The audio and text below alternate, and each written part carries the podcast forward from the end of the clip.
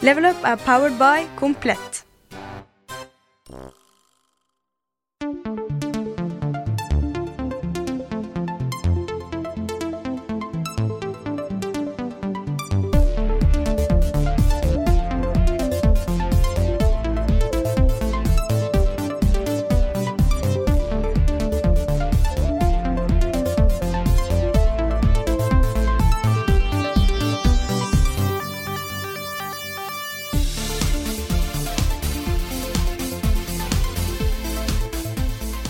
You want entertainment? Well, you're in luck. We'll make you a podcast that you'll wanna fuck. Velkommen tilbake til en helt ny sesong av Level Upcast med Rune og Carl. Spill podcasten på VG. TV slash VG. På iTunes og litt Og på iTunes og Ja, overalt. Det kan Har du hatt en bra sommer, Carl? Jeg har hatt en kjempebra sommer. Veldig behagelig. Ja. Gjort lite, spilt mye. Mm. Så um, jeg kan ikke klage. Hva med deg? Jeg har hatt en eh, bra sommer, men det er alltid litt deilig å komme tilbake på jobb igjen når man har to små barn, for det er selvfølgelig veldig hyggelig. Eh, vi har vært på norgesferie, eh, men man blir veldig sliten. Ja, for det å ha to små barn er vel godt og vel en heltidsjobb. Godt og vel en heltidsjobb, og når de var tilbake i barnehagen, så måtte jeg rett og slett- ta meg en uke ferie. Ja. så Sånn er det. sånn er det. Alle som vurderer å bli foreldre, bare hør på Rune. Ja, De er to og fire år gamle, så det er på en måte midt i den Ja. mest slitsomme perioden. Er det, jeg har hørt at liksom to og fire det er da de er mest slitsomme. Men Ja. når de blir sånn seks år, det er da de er mest rampete. Så det er bare å glede seg til. Ja da, jeg tror eh, mine unger kommer til å bli ganske rampete. Det er eh, klare tendenser til det allerede. Tegn på det. Ja, men mm. da får jeg bare få de ned i sofaen og gi de selv, da, liksom. Så blir de sikkert bare sittende. Det tror jeg kommer til å løse mye, faktisk. Ja, jeg tror det. Men de er jo veldig koselige når det, når det er gjester. Så kanskje du bare har masse gjester. Kanskje det. Ja, for når, Hver gang jeg er der, så er liksom bare, de er bare søte og koselige. Og, Ja, jeg har veldig, veldig søte unger, jeg har det. Ja, ja. det. Eh, om jeg så skulle få sagt det selv. Eh, men det er en håndfull. Eh, det er to håndfuller, faktisk. Ja, jeg ser den. Det morsomste som skjedde nå eh, nylig, var jo at uh, dattera mi klipte sønnen min. Ja, det forlater hans. Altså, som en Barbie-dokke, rett og slett. Ja, så det lå jo hårtuster over hele rommet, og det var jo helt, de var helt stille mens de gjorde det. Så kona oppdaga det ikke før uh, junior begynte å hylskrike. og Da hadde da uh, dattera mi klippet han i øret. Au da. Ja. det er ikke så greit å være liten heller. Nei da, men de var veldig fornøyde. Så da var jeg fornøyd også, for da tok jeg fram uh, min barbermaskin, min uh, hårtrimmer, Ja. og snaua gutten min. Det var eh, kjempekult. Så du lagde rett og slett en minimi av Ja, sønnen din? ja, det, ja, vi er veldig like, så det ble faktisk ganske morsomt. Ja, jeg har sett bildet. Det var ganske morsomt. Ja, det, det er det. Men vi er jo øh, i hvert fall til en viss grad en spillpodkast. Til en viss grad. Ja, Mm. skal vi snakke litt om hva som er på, på planen i dag? Ja, vi, vi har jo en slags mal på dette. Vi snakker litt om hva vi har spilt i det siste. Vi går gjennom store eh, nyhetssaker, og akkurat nå så er det jo eh, rett etter Gamescom i Tyskland. Stemmer. Så der skjedde det masse rart. Masse rart. rart. ja, Og så skal vi jo svare på masse spørsmål fra, fra seerne. Og Det er litt morsomt for oss å sitte her, for dette er på en måte det første offisielle vi gjør etter sommerferien. Ja. Vi har begynt, vi har hatt en del møter og kommet godt i gang med planlegging av det som ser ut til å bli en ganske kul sesong. Uh, Men dette er sånn den første offisielle tingen vi gjør. Ja, eh, i hvert fall, i hvert fall den første offisielle tingen vi legger ut. Ja, det er sant. Det er liksom, eh, de har voisa, jeg voisa mitt første innslag i går, så det er litt sånn deilig å være i gang igjen. Ja. Det er, sånn, det er en liten sånn vegg å komme over etter, etter sommerferien. Mm. Nå liksom er tilbake på jobb, og nå må vi faktisk bruke dagene på å jobbe litt. Ja. Så, men nå er føler jeg er i gang. Mm. Og det blir jo en del endringer den sesongen her. Eh, dels fordi mediebildet har endra seg litt. Eh, vi, eh, vi ser jo at folk eh, forbruker uh, spillinnhold på forskjellige kanaler, og ikke nødvendigvis bare på VGTV lenger. Nei, det er sant. Det er mye, mye som skjer i spilljournalistikken om dagen. Det er det. Så, så der har vi en del utfordringer og en del muligheter som er ganske spennende. Ja. Um, og så kan vi jo komme med en liten spoiler for sesongen. Duellen er tilbake. Duellen er tilbake Ja. i en veldig ny form. Veldig ny form. Det er, eh, du har aldri sett en slik en duell før. Nei, det skal jeg love deg. Du vil ikke tro hva som skjer når Rune starter opp duellen Ja, duell nummer fire er spesielt. Ja, et eller annet. ja, nummer fire vil sjokkere deg. Ja, den, det, sånn var det. Ja. så, så det gleder oss til. Vi skal ta opptak til den eh, neste uke. Det skal vi. Uh, ja. Og det blir, eh, det blir mye greier. Det blir skikkelig produksjon. Det blir skikkelig produksjon. Vi skal ikke si noe særlig mer enn det, tror jeg. Nei. Kommer litt, vi kommer med en slags announcement på det offisielt, kanskje etter at vi har gjort opptakene. Før sesongstart tror jeg vi skal gjøre det. Ja, det, Bare annonse det skikkelig med en trailer eller et eller annet. Mm. Men uh, det blir kjempegøy. det blir veldig gøy. Det har liksom duellene alltid vært Det har vært oss to i en sofa som har spilt, og, og så har liksom jeg klippet det kjapt sammen etterpå. Mm. Eh, Sånn så kjapt og gærlig som jeg fikk til på en uke. Ja. Men uh, not the case denne gangen. Not the case. Not the case Not this time, liksom. Så det blir, det blir bra. Ja. Og så kommer vi til å begynne å streame mer. Uh, kanskje på litt eh, faste tidspunkter. Ja. Um, så det blir spennende. Mm. Kanskje vi i noen tilfeller kommer til å streame istedenfor å lage et sånn vanlig innslag. Ja, vi, har jo, vi kommer til å fortsette med anmeldelser uh, til en viss grad, i hvert fall. Mm. Uh, men vi kommer også til å satse mer på liksom, eh, streaming, Let's Plays. Litt mer sånn løpende commentary på, på spill, Mm. og gjøre litt sånne ting. Vi er jo, vi er jo allerede liksom video, sånn sett så har vi en fordel. Ja. Det er ikke sånn at vi har sittet og skrevet og nå må begynne å lage video. Så eh, heldigvis så er ikke alt nytt for oss. Nei, det er jo ikke det. Nei. Men vi vi skal eksperimentere litt med nye typer ting. Ja, sjefen ville at vi skulle begynne med Snapchat stories. Ja, det, der er jeg blank. Ja, jeg også. Så det, der må vi sette oss inn i hva, Ja. hva det er for noe. Hva det har å si. Jeg brukte jo Snapchat litt en gang. Mm. Jeg ble overtalt til å få det, og det var jo Jeg tror Snapchat var veldig annerledes da, Ja. men eh, jeg syns det var bare forferdelig kleint. Mm. Det er greit med de du liksom er veldig gode venner med, men når folk du liksom kjenner litt, sender deg bilder fra de er i militæret, og du visste ikke at de var i militæret engang, og så en eller annen toppløs bilde fra en eller annen fyr som sender deg liksom kanskje fem av de toppløsbildene på en kveld, og lurer på liksom hvorfor er dette til meg? Mm. Det er, det er, det er mye rart med Snapchat. Jeg har, jeg har et litt sånt kleint forhold til det. Ja. Men eh, det har sikkert forandra seg siden den gang. Ja, det er i hvert fall eh, Det er litt interessant. Sånn, det her blir litt sånn medienerding, da. Men eh, det er jo masse teorier rundt det at video i høydeformat får en skikkelig renessanse nå. Ja. At, uh, fordi hvis man tar en breddevideo og lager en høydevideo til Snapchat f.eks., så går jo ikke det. Nei. Man må jo ta opp det i høydevideo. Uh, og det finnes jo andre kanaler også, på særlig da smarttelefoner, som, som benytter seg av video, og da i høydeformat. Så det er Jeg vet ikke. Det er liksom sånn Vi må tenke litt på det. Mm. Altså For meg som har eh, studert film, så gjør det vondt. Jo da. For det er liksom Øynene våre er jo ikke loddrett, på en Nei, men ting endrer seg. Ting ja, endrer seg, men det er en dårlig endring. Det er en teit endring. Nei, men det er bare en endring. Man må bare forholde seg til det. Ja, men jeg er skeptisk, altså. Ja. det er, jeg, ser, jeg ser grunnen bak det, og hvorfor det kan bli sånn. Kanskje vi skal bare lage breddevideo i Snapchat, men sette det på høyden, sånn at folk må liksom Ja, det er gøy. skru hodet på skakke for å se videoene. Nei, at det er sånn offisielt sånn der, ligge på- puta og se på TV. Ja, det kan være. Det er en god, en god plan. Ja, hvorfor De alltid liksom ligger på sida. Nyttes best horisontalt. Ja. hvorfor ikke? Så liksom bare Hvis folk skal samle seg og se på litt eh, Level Up Snapchat, så må de Mm. bare de må legge seg ned på sofaen sammen og ha litt sånn kosestund mens de sitter og ser på. Ja. På en liten skjerm.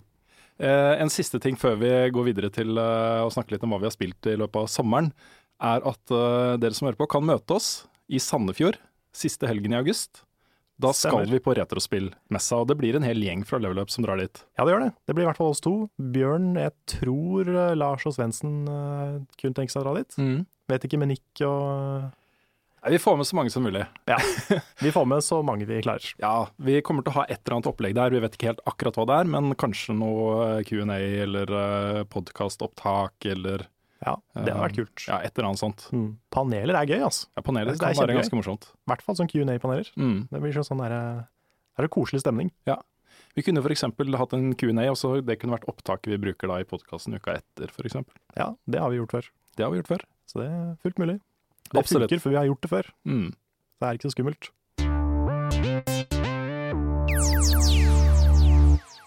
Da er vi over i første spalte i podkasten, nemlig hva vi har spilt i det siste.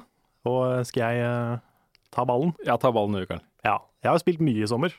Det, det er fordelen med å ikke være så glad i å reise, at jeg sitter mye hjemme og spiller. Så eh, jeg har spilt gjennom hele Souls-serien, Wow. eh, bortsett fra Demon Souls, for det fikk jeg ikke tak i. Men eh, jeg har spilt Dark Souls, Dark Souls 2 og Bloodborne. Ikke verst. Nei, og Dark Souls eh, 1 var jo første gang jeg spilte, Mm. og eh, det er vanskelig det, som alle sier. Men eh, jeg skjønner også nå hvorfor det er spillet som alle designerne prater om. Fordi eh, det level-designet i Dark Souls 1, det er bare kunst. Mm. Det er så utrolig gjennomført. Du kan liksom se alle områder fra alle områder. Uh, og alt henger sammen på sånne veldig sånn fiffige, kule måter. Mm. Og du kan låse med sånne snarveier som bare Å ja, ja, of course! Nettopp. Så bra, og så greit. og eh, det er bare utrolig veldesigna spill. Mm. Du har litt av det i Dark Souls 2, men Dark Souls 1 er bare veldig mye høyere oppe. Ja. Og da stiger vel forventningene ekstra til eh, Dark Souls 3 også. De gjør jo det, fordi det blir jo eh, mye likere eneren enn toeren. Mm. Eh, Bloodborne også var jo mye likere Dark Souls 1 enn 2. Så det at han hovedregissøren er tilbake i, i stolen, det tror jeg er veldig bra. Mm. Ellers så har jeg spilt episode fire av Life is Strange, og det spillet bare fortsetter å stige. Det er eh, snart Game of the Year for meg, altså. Jeg syns det er så morsomt å høre deg og Lars eh, snakke om det spillet, for dere har jo, hver gang vi møtes, så snakker dere om det spillet. Ja, Og jeg blir så gira på å spille, Mm. så det står på lista mi. Det er Ja. liksom, kommer stadig høyere opp på lista over ting jeg bør eh, spille. ja, det må du få med deg, altså. Ja. Det er, eh, altså. Første episode er jo litt sånn Det er litt sånn klein dialog og litt sånn eh, Ikke alt som er levert like bra, kanskje. Men eh, etter det så bare Forventningene mine har bare blitt sprengt. Det blir bare bedre og bedre for hver episode. Mm. Og nå er det én episode igjen, så hvis de klarer å stick the landing, så er det godt mulig det er Game of the Year for meg. Altså. Spennende. Det er spennende. Mm. Jeg gleder meg ekstremt til den siste episoden. Ja. Og så er det et spill som uh, gjør den episodegreia på en bra måte. Mm. Fordi uh, jeg syns sånn som Game of Thrones til Telltale, og uh, til en viss grad Drømmefall, så er det sånn at jeg glemmer mye for hver episode. Det går for lang tid, og så har jeg glemt liksom detaljer og hva folk har gjort, og hva folk har valgt, og, og sånne ting.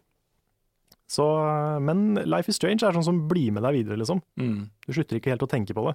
Det er litt sånn som å vente på en eh, ny episode av en veldig veldig spennende TV-serie. Mm. Så um, de har fått til det, altså. Et av de få spillene som har fått til episodeformatet veldig, veldig bra. Ja, det virker sånn, altså. Så må jeg tenke meg om det er noe mer. Jeg har begynt å lese boka til Felicia Day. Du har det, ja. Som Den kom i går. lese. Ja, den er, den er veldig morsom og veldig bra foreløpig. Mm. Jeg har lest tror jeg, fire kapitler eller noe sånt. Ja. Så uh, den er veldig å anbefale. Mm.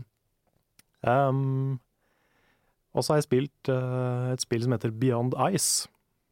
Ja, det, ja. Det, ja. ja. Det, um, det så vi på E3 i år, og det var, det var veldig sånn sjarmerende. Det ble sånn stille i salen, og det var veldig sånn kunstnerisk og fint. da. Og så tenkte jeg at det gleder jeg meg til. Og så spilte jeg det, og likte det ikke i det hele tatt, egentlig. Så det, Så det var det. det var det. Ja. Nei, det var altså Det er en sånn utrolig flott, uh, litt sånn uh, artsy stil på det. Mm. Og du spiller jo som en blind jente som går rundt, og du liksom du har eh, For hvert skritt du tar, så liksom åpner en større del av verden seg. da. Ja. Du ser liksom hva som er rundt deg, og du absorberer lydene og sånne ting. Det var veldig sånn fin, sånn eh, malt eh, grafisk stil på det, og flott musikk. Og liksom i starten så ble jeg kjempegira. Mm. Skal finne en kattepus, og det er superkoselig. Men historien er liksom bare mer og mer og mer deprimerende. Og walk-speeden Jeg skjønner hvorfor den er sånn. Jeg skjønner hva de prøvde å fortelle. Men det er det treigeste Altså, hele spillet satt jeg og venta på at de skulle liksom få en stokk eller et eller annet som gjør at det kunne gå litt fortere. For jeg måtte ta pauser hver halvtime. Jeg ble så frustrert. Mm. Og i tillegg så er jo level-designet laga sånn at du skal fra A til B, og du ser hvor B er. Men mellom A og B så er det jo i hvert fall 20 gjerder som du må liksom sikksakk gå rundt med tidenes treigeste walkspeed. Flott. Ja, det er jo sikkert for å liksom vise hvor vanskelig det kan være å være blind og osv. Men det var bare ikke gøy å spille. Mm. Det var, eh, jeg ble så frustrert. Og jeg blir sjelden frustrert. Jeg er veldig tålmodig i spill. Mm. Så, så ja. Det er litt sånn apropos, da. Det fins jo uh, folk som lager spill for blinde. Det de gjør, er at de eh, enhancer alle lydclues, da. Uh, sånn at man spiller etter lyd. Ja. Uh, jeg tror det første eksempelet der var Quake, eh, eller Doom, jeg husker ikke, en av de to. Hvor de bare fjerna liksom alt sånn eh, ambient eh, støy, og, og lagde mer sånn eh, Alt som var ting du kunne plassere i eh, et eh, rom, da, eh, ble enhanced. Så da fløy man rundt, og så hørte man monsterlyden, og så skjøt man liksom på lyden mer enn på Så fikk man ja, ikke sant, sikkert bilder i hodet. Uh, ja, bare en interessant ting. Hm. Lite sidespor. Ja, det visste jeg ikke at fantes. Det fins. Det er stilig. Mm. Altså, det er jo det er en sånn type spill, litt sånn her kunstnerisk indiespill. Jeg sluker jo ofte det. Men det her var Jeg skjønner hva de prøvde å få til. Eh, Jeg skjønner tankegangen bak det, men det var bare ikke Det fungerte dårlig som et spill, Mm. rett og slett. Ja. Det var, jeg syns det var synd, for jeg hadde gleda meg til det. Mm. Men det er et spill til som vi har spilt begge to. Yes. Vil du begynne å snakke litt om det? Ja, for det er litt eh, Jeg kan bare nevne kjapt at jeg hadde jo eh, store planer om å spille masse rart i sommer. Ja. Eh, Så dro jeg på ferie, og så var det liksom de ledige stundene jeg hadde eh, etter at ungene hadde lagt seg sånn, så var det bare et spill jeg hadde lyst til å spille. Så Ja. Det var uh, Bubsy 3D. Ja. Nei, så det, nå går det i PVP da, jeg spiller bare PVP, Crucible, uh, og særlig Trials of Osiris, som er dritgøy. Så jeg bruker masse tid på det. Og Lars og Niklas og Kevin kan skrive under på at det er skikkelig gøy. Så det er ikke bare jeg som uh, suller med etter alt det her. Nei, det er bra. Jeg har inntrykk av at det er gøy, altså. Ja, det er veldig morsomt. Mm. Men i dag, da. I Ja. dag så spilte jeg et spill. liksom samme dag som vi tar podkasten. Ja. Everybody's Gone to the Rapture Stemmer. ble jo lansert nå. Mm. Vi har vel ikke runda det, noen av oss, men vi har spilt én time, to timer. Jeg har spilt uh, starten på det. Ja. Jeg vet ikke hvor langt det er. Jeg har ikke inntrykk av at det er så innmari langt. Jeg tror det er sånn fire-fem timer. Ja, kanskje det. Uh, dette er jo et eh, spill som er veldig i gate med eh, det første spillet til dette selskapet, Chinese Room, som heter Dear Esther. Mm. Eh, også veldig beslekta med Gone Home, f.eks. Uh, det handler mer om eh, utforsking og historiefortelling og det å nøste opp i et mysterium enn gameplay. Ja. For det er pinadø ikke mye gameplay her, altså. Nei, det er det ikke. Du får, lov å, du får lov å tilte litt på kontrollen av og til.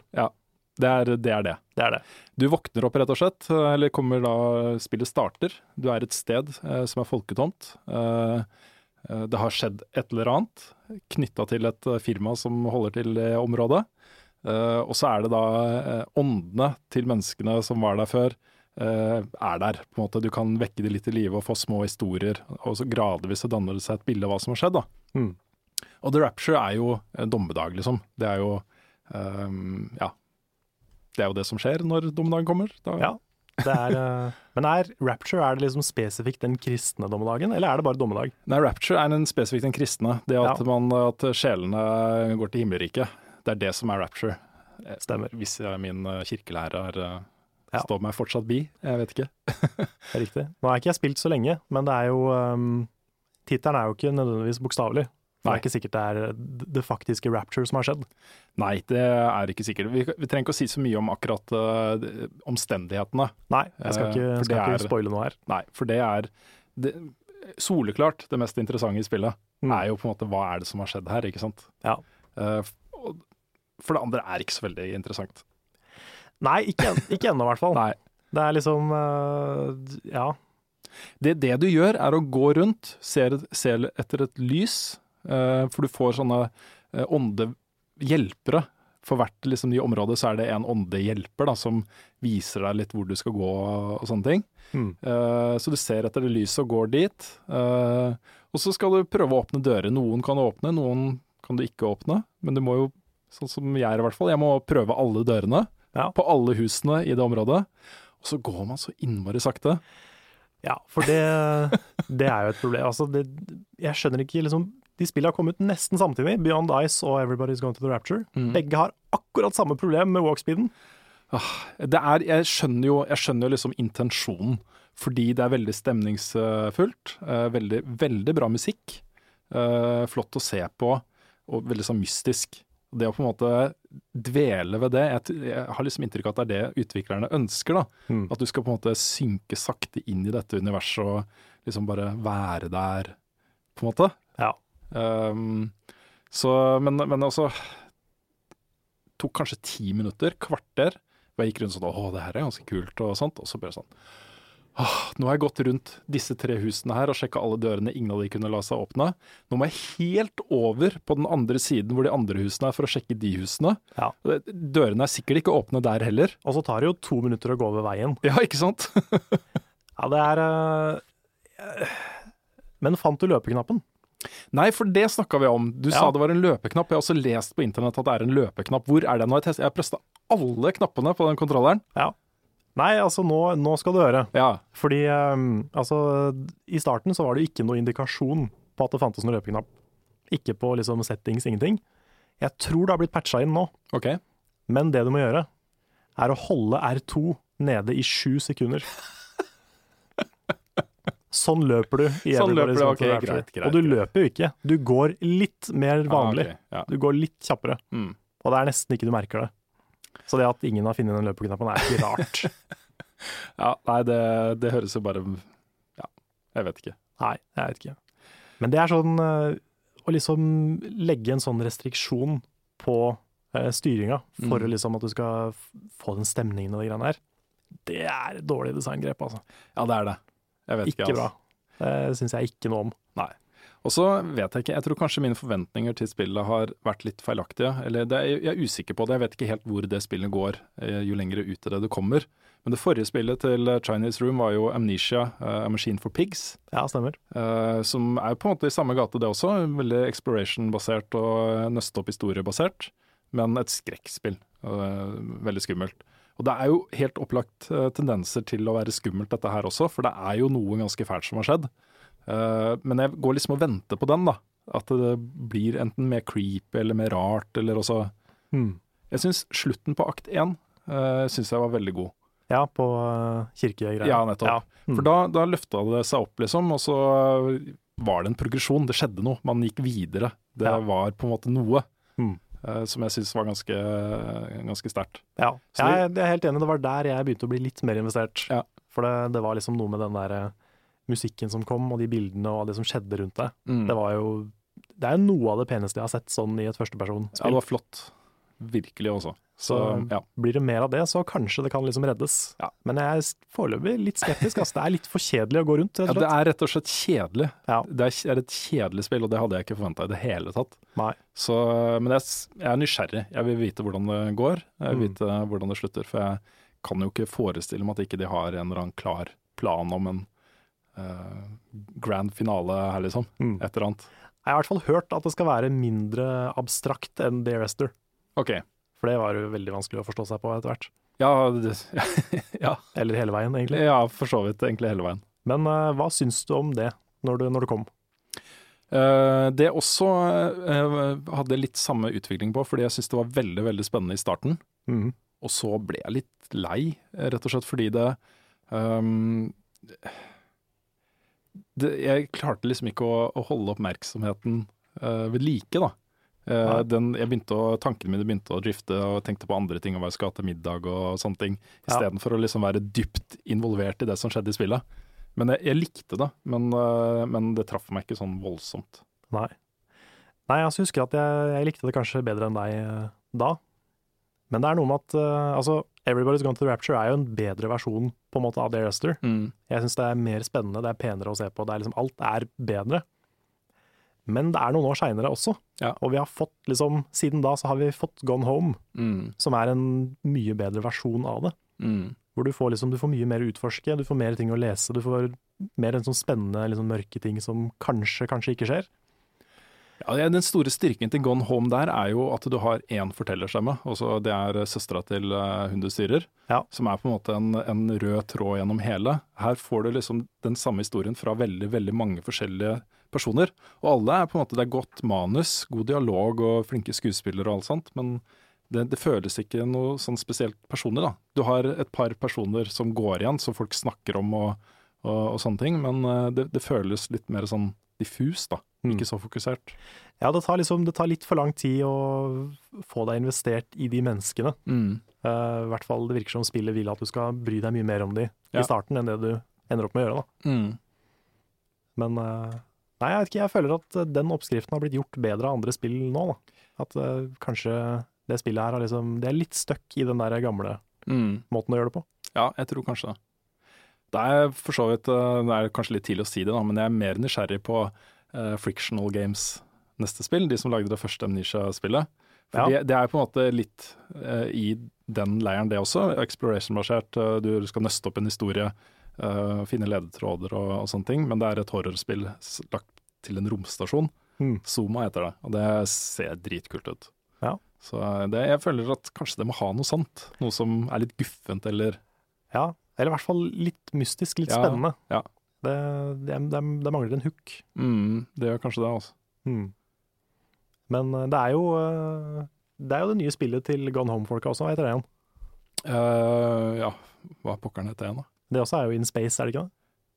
Jo Det er, vel veldig Ja, altså jeg husker ikke hva det heter, men jeg har jo sett videoen. Uh, og det er jo Du kommer til en romstasjon eller et romskip eller et eller annet, mm. uh, og så har det skjedd noe der, og så skal du finne ut hva som har skjedd.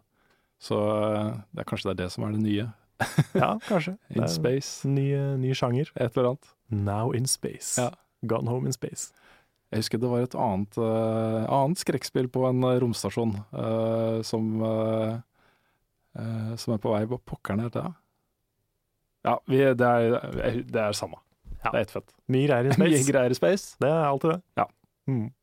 Men eh, apropos pusle sammen en historie, så kom jeg på et spill til. Mm. Det, dette blir en lang uh, spalte.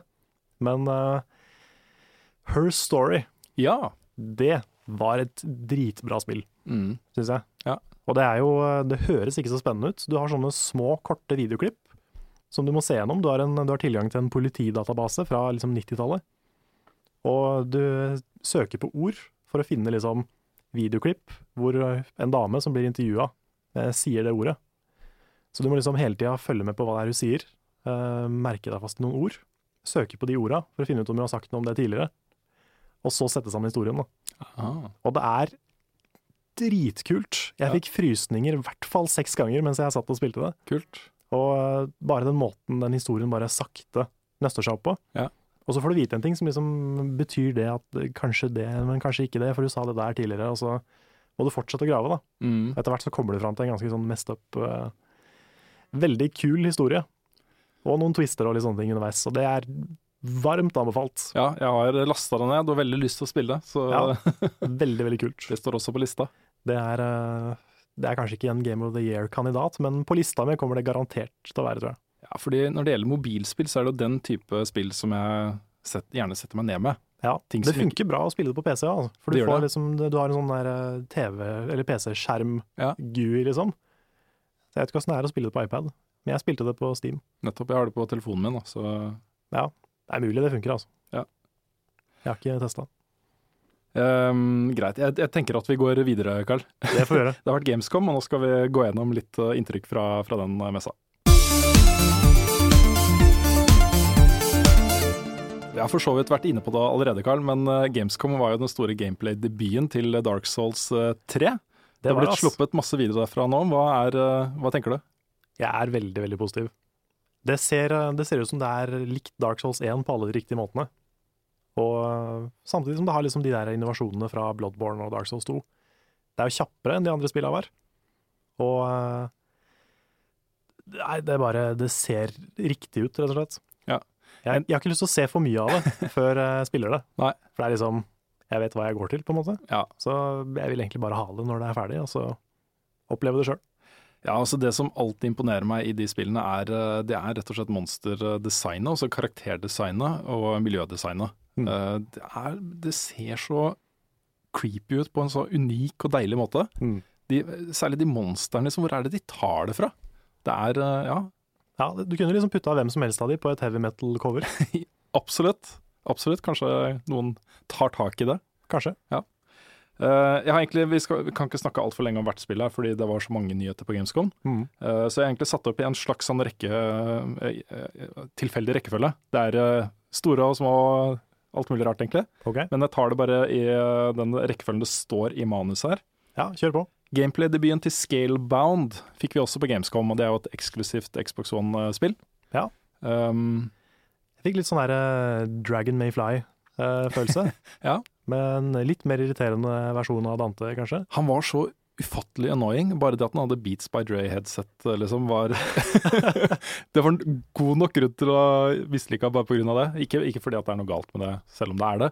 Så jeg blir bare litt irritert, for det er sånn ja, noteting, altså, sånn, sånn product placement-ting er alltid litt sånn surt. Ja, for jeg så liksom det er noen som har dismantla Beats by Dre-headsets uh, på nettet nå. Og det er jo masse deler i den som bare er tunge.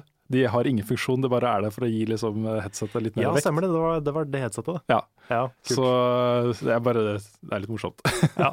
Men det er utrolig irriterende fyr. Og det var liksom litt sånn trist, jeg har jo sett for så vidt litt av det før, men i starten av den gameplay-traileren så kommer jo Ikke traileren, han spilte jo live på scenen, faktisk. Eh, så kommer dragen, og det er veldig sånn, eh, sånn eventyraktig og fantasy og sånt. Så kommer han derre duden med det lille spike i håret sitt og de ekle headsetet, liksom. Han er en veldig sånn japansk tough guy. Ja, som liksom Dette liker sikkert folk i Vesten, tough guy. Ja, tror du det? At de, at de prøvde ikke. å appellere til oss? Ja, sånn? kanskje. Ja. Eh, han fikk jo en del spørsmål om uh, han fyren, da. uh, han regissøren av dette spillet her. Hmm. Um, jeg, jeg har inntrykk av at han ble ganske lei av å få den type spørsmål, for han har jo sagt at han har en ganske trist bakgrunnshistorie og en dypere bakgrunnshistorie enn det som kommer fram her, da, så han gleder seg til å snakke mer om hvem han fyren egentlig er Ja, okay. senere. Ja. Men det som var kult her, var jo kombinasjonen, eh, eh, altså fighting-kombinasjonen mellom han ekle fyren og dragen. Mm. Hvor de kombinerte krefter, og de kjempa sammen, og han sendte dragen dit, og så tok han seg noen andre ting sjøl, og så hjalp de hverandre og, eh, og sånt. Og selve den kampgreiene så dritkult ut. Mm. Ja, sjøle spillet så veldig spennende ut. Det hadde litt sånn framerate drops, så jeg håper, jeg håper de fikser det før, eh, før det kommer. Men, ja, Det eh, gidder jeg i hvert fall ikke å henge meg opp i akkurat nå. Nei. Men dette er jo Platinum, Platinum Games, og de har lagd mye kule ting før. eh, Og de er jo mestere på sånn veldig kjapp uh, action. Som uh, sånn veldig, veldig intense kampsituasjoner. mm. Uh, og dette var en veldig stor slagmark det foregikk på, eh, med en del forskjellige typer fiender, men veldig sånn frenetisk action. Eh, og så var det også en god del kule funksjoner liksom, som jeg ikke har sett så mye av i spill før. Som gjorde at jeg tenkte at dette kan bli ganske gøy å spille. Ja. Særlig på slutten, når den kjempemonsteret kom, Mm. og de virkelig måtte samarbeide. Douchebagen og dragen, liksom. Ja.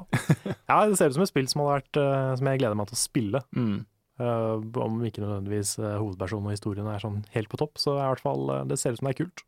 Ja, jeg, jeg har liksom Jeg har ikke voldsomt høye forventninger til det, men jeg, har, jeg, ja, jeg tror det kan bli gøy, da.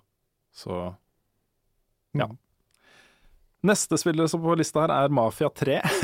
Ja, Og det er en serie som jeg aldri har blitt helt sånn hekta på. Um, jeg har spilt Mafia 1 og Mafia 2 eh, uten å digge det veldig.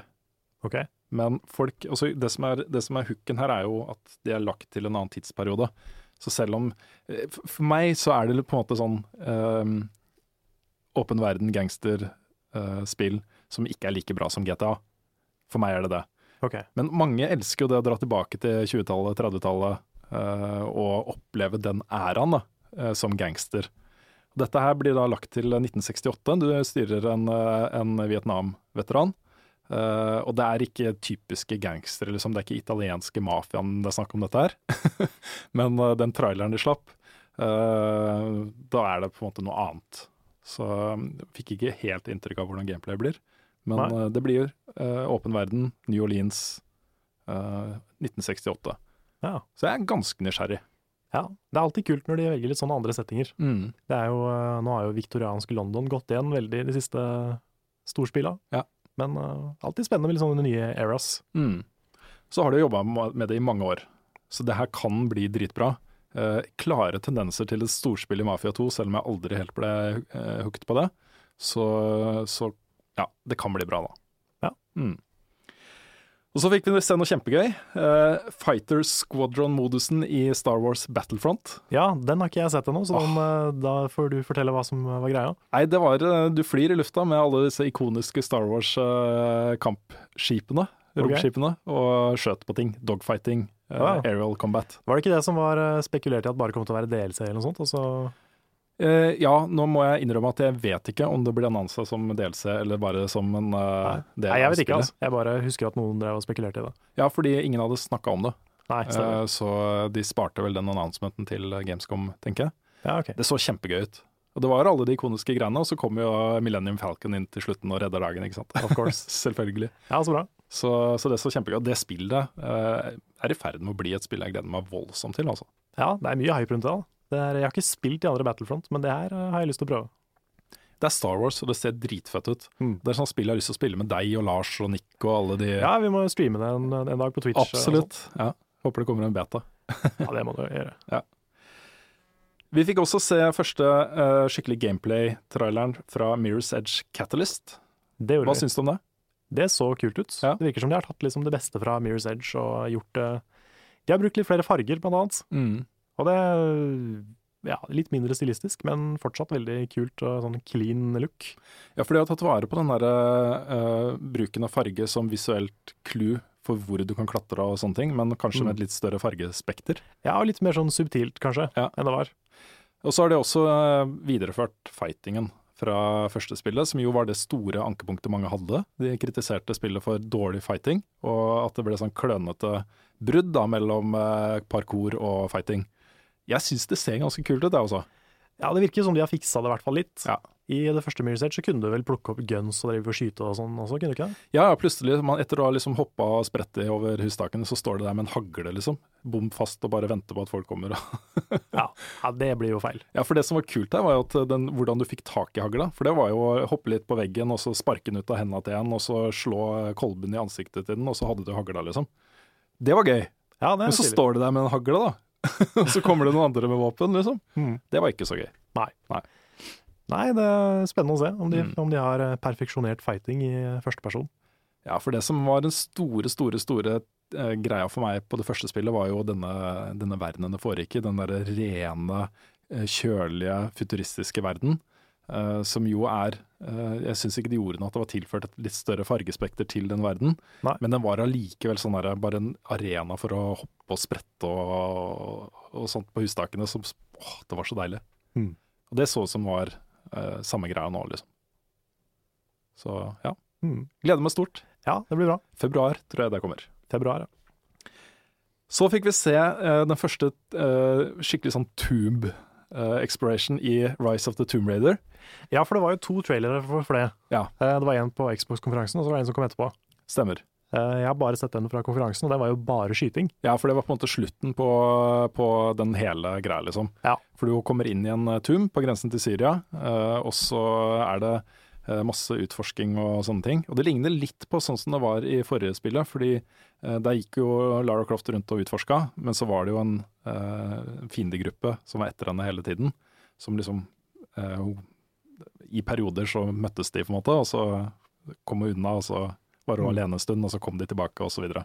Ja. Så litt sånn her også. Hun var inne der, eh, denne tuben, men hun var ikke alene. Uh, men det var liksom Ja, jeg fikk godfølelsen av det. Masse kule steder å utforske. Uh, kule feller som du måtte liksom virkelig anstrenge deg for å slippe unna. Mm. Uh, ja, stilig. Stilig. Jeg syns den eh, E3-traileren fra det der Snøfjellet, Ja. det er det kuleste jeg har sett foreløpig, syns jeg, fra det spillet. Ja, altså, jeg syns den tuben her, det, det overgår det. Ja, ok. Det er ja, da, da den-. Det er mer av den type ting jeg har lyst til å se i dette spillet. Ja. Uh, og så er jeg veldig spent på crafting-systemet, som jo eh, eh, også til en viss grad var til stede i forrige spillet, men uh, som ikke hadde noen betydning. Men nå har det det, da. Mm. At du skal kunne jakte på ting og crafte ting. Ja. Jeg fikk en del eh, folk på Twitter som, som så den der eh, første traileren. Og eh, det var noen som var litt sånn her eh, De, var litt bekymra for spillet, da, at det ble for liksom At eh, Lara ble for mye drapsmaskin og for lite Explorer. Er du redd for det, du, eller er det, tror du det er innafor? Uh, jo, jeg er, litt, jeg er litt stressa for det, liksom. Men samtidig um, jeg, jeg vet ikke om vi Fordi særlig de to første spillene i Tomb Raider-serien Vi snakker jo eh, 96 og 97, tror jeg de kom ut. Ja. Det er lenge siden. Eh, de har en veldig, veldig varm, stor plass i hjertet mitt. Det er spill jeg elsker. Og jeg elsker det mye fordi det kunne være en time eh, hvor du bare utforska. Eh, og det var kanskje noe wildlife som ville ta deg, men ingen andre fiender. Du møtte bare de veldig sporadisk, og så var det korte kampsekvenser, og så var det tilbake til exploration. Den følelsen er liksom, den er veldig sterk, da. Jeg vet ikke om det er noe vi kan forvente oss å se av Tomb Raider nå i 2015-16, altså. Nei. Nei, det spørs om store blockbustere tør å gjøre sånne ting nå. Ja, jeg tror ikke det. Det hadde vært interessant å se de uh, gjøre det, Mm. men uh, jeg tror ikke de kommer til å gjøre det. Nei. Og sånn sett så har jeg på en måte litt resignert, og tenker at det er gøy med gode actionspill også. så så lenge jeg får liksom nok utforsking også, nok uh, plattformhopping og navigering og puzzles og sånne ting, eh, at det er en balanse der, at det er mer av det enn det var i forrige Tomb Raider, som jeg også elska. Uh, Ja, det om det ikke forrige var så var mye veldig, av det. veldig bra. Ja, ikke sant? Det likte jeg veldig godt. Ja, så ha det i bakhodet. Det var Mm. et, et dritbra spill. Masse action hele tiden, men et dritbra spill. Mm. Så ta det litt for det det er i 2015, så, så slipper man å bli sånn voldsomt skuffa over at man ikke er eh, i et eller annet sted i to timer og bare Å, hvor skal jeg nå? Ja. For det, ja, det er sant. det hadde vært digg, men eh, Ja, det gjenstår å se. Uh, vi fikk også, det trenger ikke å snakke så mye om, fordi eh, det gidder jeg ikke. Eh, Homefront, The Revolution. Ja, det var den der traileren med han lille gutten som Eller lille jenta, var det kanskje? Som leste opp den der veldig amerikanske talen. Ja, det stemmer. Det er, den har jeg bare så vidt uh, vært innom. Det jeg har sett er en litt lengre sånn gameplay-greie. som egentlig skjedde før Gamescom, men som hadde da sikkert embargo til Gamescom. Hvor eh, de spiller eh, spillet. Og det er mye mer åpen verdensspill enn det forrige Homefront-spillet var. Ok. Eh, dette handler om, eh, om Nord-Korea som har invadert USA. Eh, og sånn sett så, så blir det på en måte litt sånn Far Cry. Eh, du har soner som er på en måte okkupert av Nord-Korea. Så kan du ta de sonene tilbake, og hvis du liksom klarer å ta alle sonene, så har du på en måte vunnet. da. Så eh, veldig sånn eh, ja, Far Cry 4, egentlig. um, jeg er ikke negativ til spillet, men eh, det er litt sånn litt intetsigende for meg. Eller litt sånn Ja. Det er kanskje et sånt spill som man må prøve, finne Ja. ut om det er noe bra, og så kan man heller hype det etterpå, på en måte. Ja, for en ting jeg likte med det, som jeg syntes så kult ut, det var crafting av uh, våpen. Hvor uh, du kan gjøre veldig mye forskjellig, da, og snekre sammen egne ting, og også gjøre det on the fly. At ok, du har et våpen, men nå trenger du en eh, granatkaster, liksom. Så bare tok han fram noen greier fra sekken og monterte det på våpenet sitt, og så hadde han granatkaster. Hmm. Sånne ting synes jeg er like in real life. Just like in real life. Ja. Så eh, ja, det kan bli bra. Det ser i hvert fall bedre ut enn det første Homeworld-spillet. Så og det er jo Homefront. definitivt noe. Uh, ja, Homefront. Ja, Homeworld. Sa jeg Homeworld? Ja, sa Sa jeg Homeworld? Gjorde det. Det er Snakka lov. for lenge. Det er lov. La oss ha en lang ferie. Ja. Første podcast. Første podcast. Quantum Break, Yes. gameplay-debut. Det så fett ut. Det så dritkult ut. Mm. Og jeg har vært så spent på det spillet. Uh, særlig fordi de har snakka så mye om koblinga mellom TV-serie og spill, og hva er dette for noe egentlig? Uh, nå vet jeg ikke om den TV-serien fortsatt blir noe av. Vi snakka litt om det før sending også. Ja, jeg fikk ikke helt med meg det heller. Jeg Ja. så, på, så på den konferansen litt sånn med et halvt øye. Dere som hører på, får google det, for det gidder ikke vi å gjøre, i hvert fall. Nei, vi er, eh, altså, vi er konger av korrekt informasjon Ja. konstant. Så vi snakker bare om spillet, for det er det som ble vist fram på eh, Gamescom. Ja, Littlefinger er med. Littlefinger er med. Eh, Han spiller en veldig kul rolle. Det er jo flere kjente skuespillere her, blant Mm. annet han ene fra Fringe. Ja, ja, han Walter Bishop. Ja, stemmer. Han er jo den kuleste fra Fringe. Eh, Walter Bishop? Det er, jo ikke Walter Bishop. Nei, tenker jeg feil nå? Ja, du tenker feil. Det er han, han som var liksom sjefen Han øh, hva, hva heter han for den, da? Han er med Destiny også, faktisk. Han voicer øh, en av de Ja, samme kan det være. Ja. Ja, okay, nå vet jeg hva du mener. Ja. Uh, Jeg tenkte på Hvor er det jeg så Walter Bishop? Nå blanda jeg. Ja, det tror jeg du gjør. Ja, jeg har sett den i et eller annet som er kult, men uh, Anyways, det var ikke han. Nei. Uh, og så andre flere kjente skuespillere uh, Flere andre kjente uh, Vi må ta en pause snart. Ja, vi får gjøre det. Ja, men Remedy, de finske utviklerne, de eh, innførte jo bullet time med Max Payne. Mm. Eh, og det er, de er på en måte veldig opptatt av det, sånn slow motion-effekter i spill og sånne ting. Og denne gangen så handler det om å manipulere tid. Så han, han hovedpersonen har en, en kraft som går på det å manipulere tid. Han kan uh, sakke tiden, han kan eh, eh, stoppe tiden, han kan gjøre masse forskjellige ting. Han kan gå fram i tid, bak i tid, korte perioder. Eh, og det er uh, knytta sammen til broren hans, som lagde den, den verdens første tidsmaskin. Og det var en veldig kul sekvens i, eh, i den traileren, hvor du kommer liksom inn i den bygningen hvor han lagde, broren hans lagde den tidsmaskinen. Eh, og så ser du liksom, eh, liksom flashbacks til hvordan det var. Så ser du han liksom starte tidsmaskinen for første gang, og så kommer Littlefinger ut. Ja. Det var kult, ass. Det er kult. Tenk så kult hvis det hadde vært Littlefinger. ja, tenk det. Så kommer det sånn Crossover. Surprise! Ja. Game of Thrones er historie. Ja, dritbra. Ja. ja, nei, men um, det er, Jeg har hørt en sånn morsom teori om, om tidsreise. Mm. Jeg husker ikke hvor jeg hørte den, eller om det bare er noe jeg drømte, eller hva det er for noe. Men uh, at liksom tidsreise kanskje har blitt funnet opp flere ganger. Men hver gang så har noen gått tilbake i tid og drept personen som fant det opp. Ja, You never know. you never know.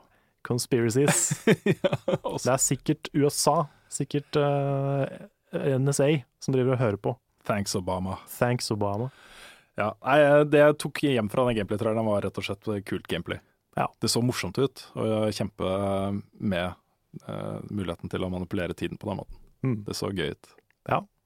Så eh, hvis de fortsetter liksom den gode historiefortellertradisjonen fra sine tidligere spill, både Alan Wake og Max Payne-spillene er jo litt sånn absurde, men gode historier. Særlig Max Payne er jo eh, morsomt og dødsen seriøst samtidig.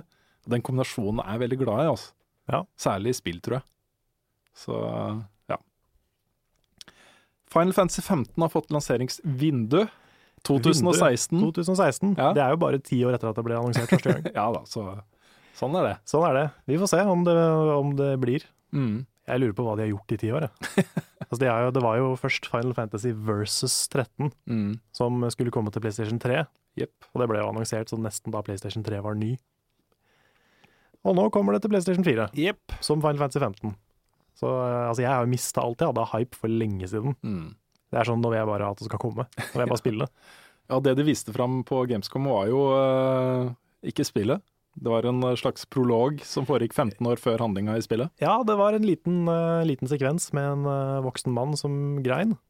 Og holdt eh, sønnen sin, eller, eller mulig det var uh, sønnesønnen. Jeg husker ikke helt. Men eh, og liksom, han var veldig liten, da, så måtte han sikkert ta farvel. Og så var det noen svære monster, eh, kanskje noen summon-monstre, i bakgrunnen som kom og invaderte. Så eh, vi fikk jo ikke se så mye gameplay. Men det har kommet en gameplay-trailer også, med en sånn Malboro-fiende, som ser ganske fancy ut. Så eh, ja, jeg, jeg, venter bare på at det skal komme nå. Jeg har, jeg har på en måte ikke noe mer eh, Jeg har ikke noe mer anticipation igjen. Noe som er mye nærmere enn det, Carl, er Metal Gear Solid 5. Det er det. Ja, og det kommer jo 1.9. PC-dataen er til og med flytta fram, så den, kommer, den skulle jo kommet en uke ca. Etter, eh, etter de andre versjonene. Eh, Men nå kommer alle tre versjonene samtidig. Mm. Eh, Og det vi fikk se på Gamescom, var hvordan eh, Motherbase fungerer. Eh, Du fikk litt innføring i hva du kan gjøre der og, eh, og sånne ting. Eh, Det er jo ikke det jeg vil se av Metal Gear Solid 5. Det jeg vil se er jo på en måte historien som fortelles. Ja. Så det er det jeg er fortsatt spent på. Jeg er glad for at ikke de har vist noe særlig av det. Fordi det er på en måte um, Ja. Det er det, det er det som er min største greie fra de spillene. Det er hvordan den historien fortelles, hvilke roller du møter, uh, bosskampene, alle disse tingene. Det er det jeg syns er gøy. da. Så eh, alt det andre ser også veldig morsomt ut, så det lover godt. Eh, det er jo spennende å se hva som skjer med Konami og Kojima og, og Ja. sånt, alt oppi dette her, da. For det er jo mye mulig at dette her er det siste spillet før Konami bare synker og imploderer for godt. Ja, for det kom en rapport nå i sommer fra Nikkei, uh, hvor uh, Ja, Nikkei, det er vel børsen? Nei, jeg vet ikke. Ja, Det er jo kanskje også et magasin. Så et japansk, en Japan, det kom en japansk rapport. Det kom en eh, rapport fra Basert på Basert på interne anonyme kilder i Konami om hvordan eh, arbeidsforholdene er der. Og det er ganske sånn orwelliansk, eh, med overvåking og ingen kontroll over hva du Altså private ting på e-post og sånne ting. Um, ja, ganske strikte forhold, da. Mm. Og sånn er det, du, fikk, du ble guilt-trippa hvis du tok lunsj. Ja. Mye sånne ting. Sanne ting. Mm. Og ingen fikk ha privat e-postadresse. Eh, Kanskje hvis de fikk det, så hadde det kanskje bare en uke. Ja, jeg hørte det var eh, Det er mulig det var Jim Sterling som sa det. Han også har noen kontakter i Konami. Og, og de fikk jo ikke utstyr. Den første, den første Jeg vet ikke hvor lenge det var. Men de hadde, liksom, de hadde ikke noe utstyr. Mm. Hadde ikke noe mail. De måtte sende firmapost fra en Gmail-konto. Ja. Og det var liksom bare det ene håpløse opplegget etter det andre. Så er det folk også som har eh, uttalt seg kritisk til ledelsen om ting og sånt, og da har de bare blitt flytta til kjipe posisjoner i selskapet. Så Det er jo store navn. Store ja, ja, utviklere som vasker doer. ja, det er faktisk, helt konkret faktisk det som skjer. Ja. Så det er eh, Det høres ikke bra ut.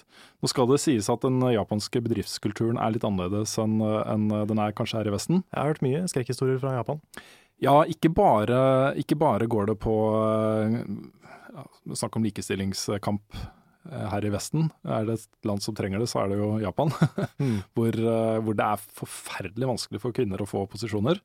eh, Hvor det fortsatt er soleklart mest vanlig å forvente at eh, når, eh, når kvinner får barn, så eh, går de ut av arbeidslivet. Og Mm. Japan sliter jo voldsomt med det, fordi eh, de har jo bare halve Altså de har en halv arbeidsforce.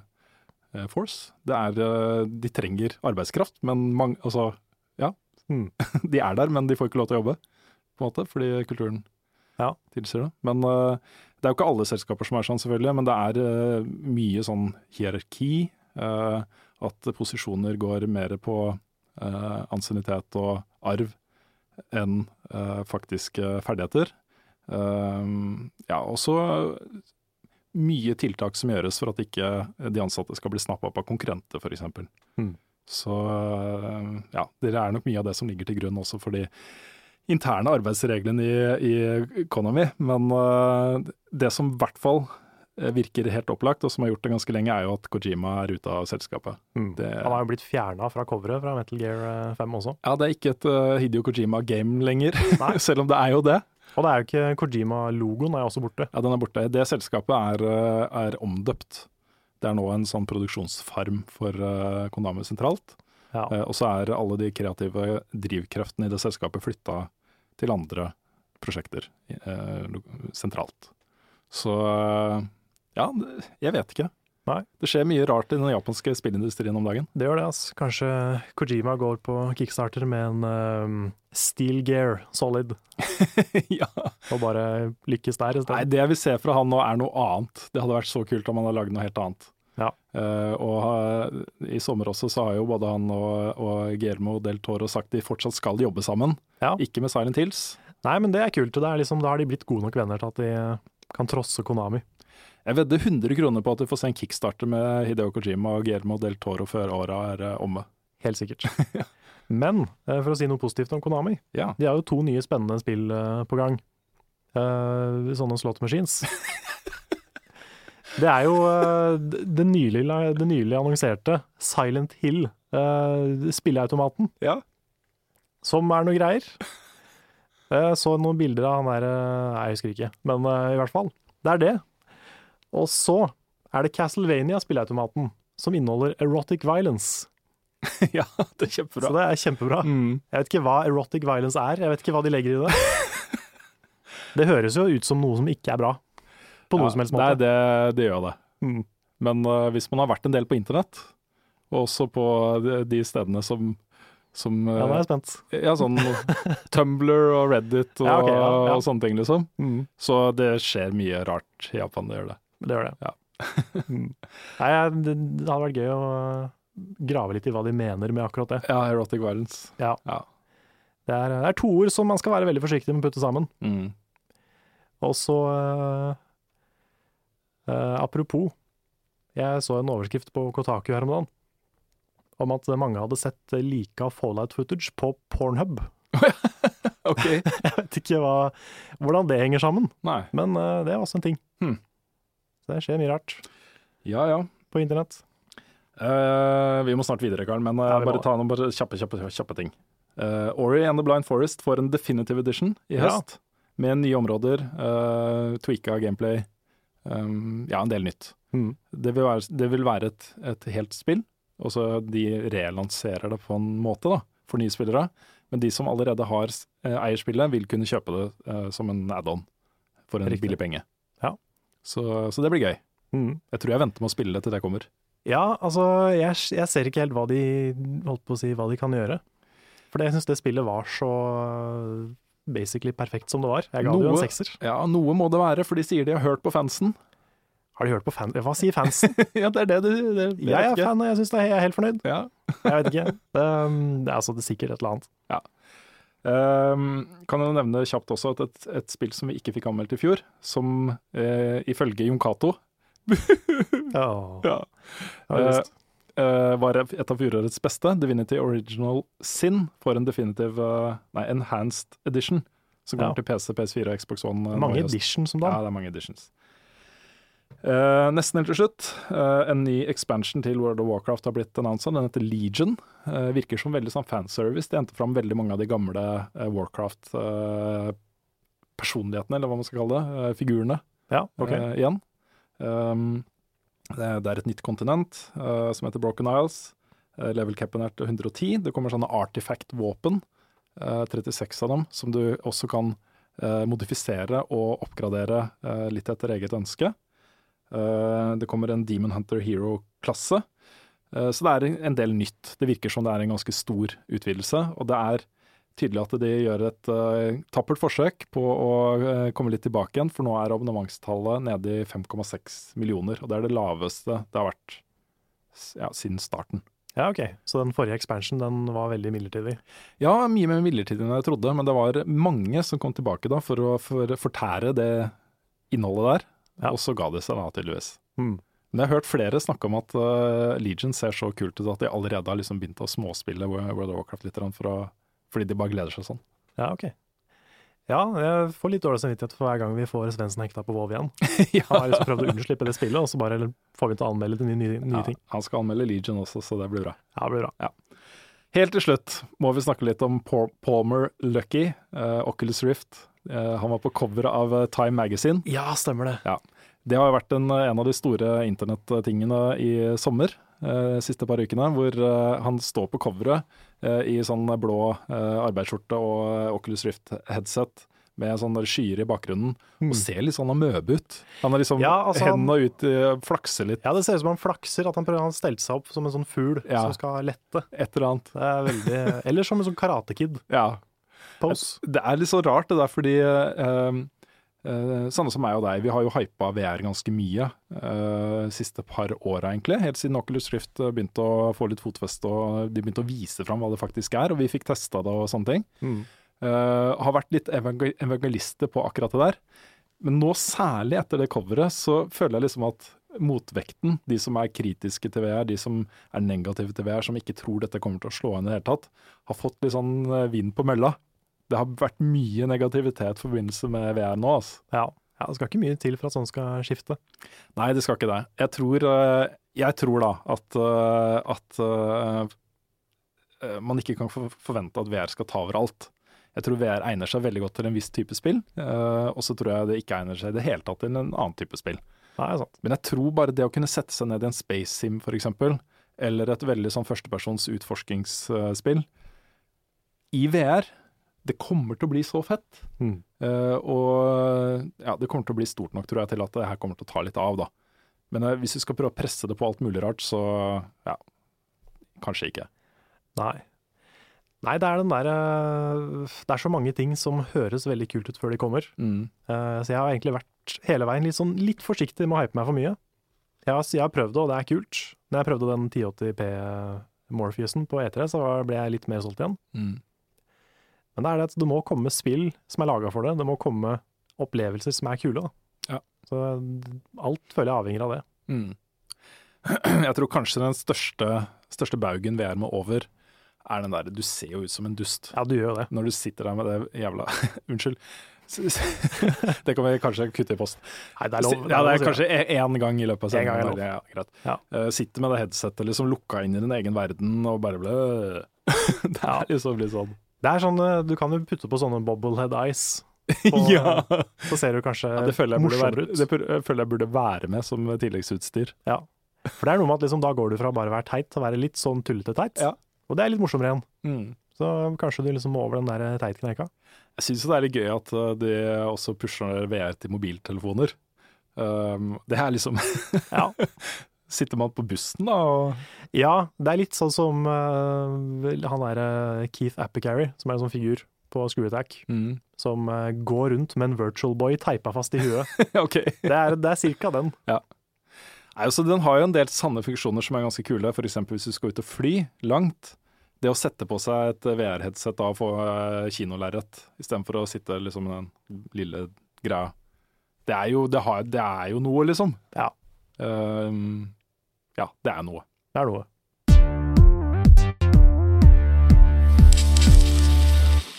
Vi har kommet til podkastens siste spalte, nemlig spørsmål og svar. Og den viktigste. Og den viktigste, Ja. ikke minst. Mm. Og det er jo din lucky day, Rune, for det har kommet masse Destiny-spørsmål. Ja, det har det. Masse Destiny-spørsmål. Um, da har jeg gode og dårlige nyheter. Ok? Uh, så kan folk liksom bestemme, velge selv, hva som er de gode og dårlige nyhetene. Ja, så Jeg skal er- ikke svare på Destiny-spørsmål her og nå. Du skal ikke det? Nei. Nei. Men Jeg skal lage en helt egen Destiny-podkast. Som Oh uh, eh, etter planen kommer da neste uke. Uh, har med meg to stykker jeg spiller mye sammen med, Atle og Anders. Um, og vi har snakka om det egentlig månedsvis, at da er det kult å lage en Destiny-podkast. Og det å lage en podkast er litt sånn lavkost. Det krever ikke så mye av oss. Vi får snakke om de tingene vi liker å snakke om. Uh, det, krever, altså, det tar ikke så mye tid. Bare være innom her en halvtimes tid, tre kvarter. Publisere, på en måte. Så, så det er noe jeg kan gjøre uten at det påvirker så mye andre ting, liksom. Så da gjør vi det bare. Ja, kult. Så Level Upcast får en liten søsterpodkast. Den gjør det. Det blir Ja. en Level Up-podkast, for jeg jobber jo fortsatt med Level Up og i VGTV og så videre. Så det Mm. blir eh, produsert her og, og sånne ting, men det blir bare om Destiny. Bare Destiny. Bare Destiny. Ja, kan du virkelig slå deg løs. Ah, det blir så deilig. Ja. Og du får ikke lov til å komme, Carl. Nei, det er greit. Jeg skal, jeg skal høre på litt sånn i skjul. Ja. Nei, altså, det blir ålreit. Og um, det er jo noe vi gjør fordi vi har lyst, ikke fordi vi tror det kommer til å bli liksom kjempesvært og sånne ting. Men, Nei, eh, Men det er vel ingen norske Destiny-podcaster, er det? Nei, og det er jo derfor vi gjør det. Hadde det allerede fantes en Destiny-podkast eller to, så hadde vi nok ikke giddet. Men uh, vi blir forhåpentligvis, da, hvis ingen nå snur seg rundt og bare Å, skal lage Destiny-podkast, så blir vi kanskje den første. Eh, Så får vi se. Ja. Hvis Destiny lever i ti år og blir eh, dritsvært, så, så var det en lur ting. Ja, det var en god investering. Ja, og Hvis det ikke blir det, så har vi det gøy mens vi lager det. Ikke sant? Har du Så- lyst til å røpe navnet, eller vil du ikke det? Nei, jeg tror kanskje jeg venter til den er ute. Ja, okay, Ja. Bare sånn at For sikkerhets skyld. Men, eh, men det, blir en, det blir et hobbyprosjekt. eh, og Atle og Anders er eh, veldig morsomme fyrer. Vi har det gøy sammen når vi spiller. Og vi er liksom like hardcore inni det spillet, alle tre. Mm. Uh, Anders har f.eks. maks eh, Grimmar-score i spillet. Han har gjort alt. Det er ganske mye. Ja, Atle og jeg har omtrent like mye. Vi mangler uh, 10-15 poeng, så er vi på maks vi også. Så vi, er liksom, vi har gjort alt som kan gjøres i spillet. Mm.